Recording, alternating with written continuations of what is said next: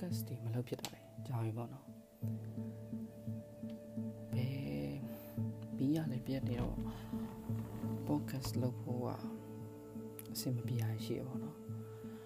အာဒီနေ့တော့ကျွန်တော် podcast လေးတစ်ခုလုပ်မှာပေါ့နော်။ဘာလဲဆိုတော့အိယာဆိုရယ် essay လေးပေါ့နော် short essay essay လို့တော့ခေါ်ရမလားမသိပါဘူးဗျာ။ထားပါတော့ဗျာ။တကဘာလုံးမှာ ကျွန်တော်သဘောအကျဆုံးနေရာကိုပြောပါဆိုလို့ရှိရင်ကျွန်တော်အခန်းထဲကအိယာပဲ။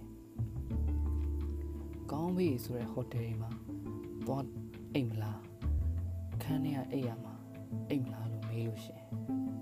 ကျွန်တော်အိယာကိုပဲကျွန်တော်ရွေးမိပါပဲသူကကျွန်တော်ဘဝမှာကျွန်တော်နဲ့အမြဲအတူရှိနေတယ်အရင်ဒီဆုံးအဖို့ပဲပင်မလာရင်စိတ်ညစ်စရာတွေကြုံလာရင် ငိုရတဲ့အခါတွေတိုင်းမှာဆိုလို့ရှိရင်ကျွန်တော်ကအိယာတွေလှဲပြီးနေလိုက်အိတ်လိုက်တာပဲအဲ့လိုပဲပျော်လာရင်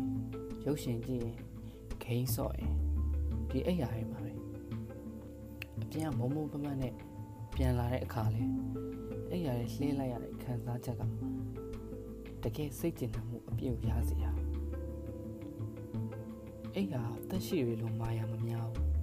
အတ္တရမရှိဘူး ဟန်လို့ဆက်ဆံရမလို့သဘောထားမတိုက်ဆိုင်တာလည်းမရှိဘူးလိုတဲ့ချိန်တိုင်းသူ့ဘောလှဲချလိုက်သူ့ကိုအသုံးပြုလိုက်သူကသူ့ရဲ့အကောင်းဆုံးခံစားချက်တွေကိုပဲအမြဲပေးလိုက်ပဲဒီချိန်မှာဘာလို့ထားတွေကိုပြောနေရလဲဆိုတော့ဘယ်အချိန်ဘာဖြစ်မှန်းမသိဘူးလားလမ်းကလည်းပြောက်နေတယ်အဲ့တော့အဲ့ဒီအချိန်မှာအဲ့ရမီးရလည်းပြတ်နေတယ်အဲ့ရလည်းလှဲမိရင်လည်း ကျွန်တော်ဒီဒီအကြောင်းစဉ်းစားမိလို့ပေါ့နော်ဒါပေမဲ့လည်းတစ်ချိန်ချိန်မှာတော့ကျွန်တော်တို့ဒီလိုအဲ့ရနေပြီးတော့ခွဲခါကောင်းခွဲခွာနိုင်ပါတယ်ဒါပေမဲ့လည်းအဲ့ရဘယ်နေရာဖြစ်ဖြစ်မပြောင်းလဲပဲရှိနေမှာဖြစ်ပါတယ်အားလုံးကျေးဇူးတင်ပါတယ်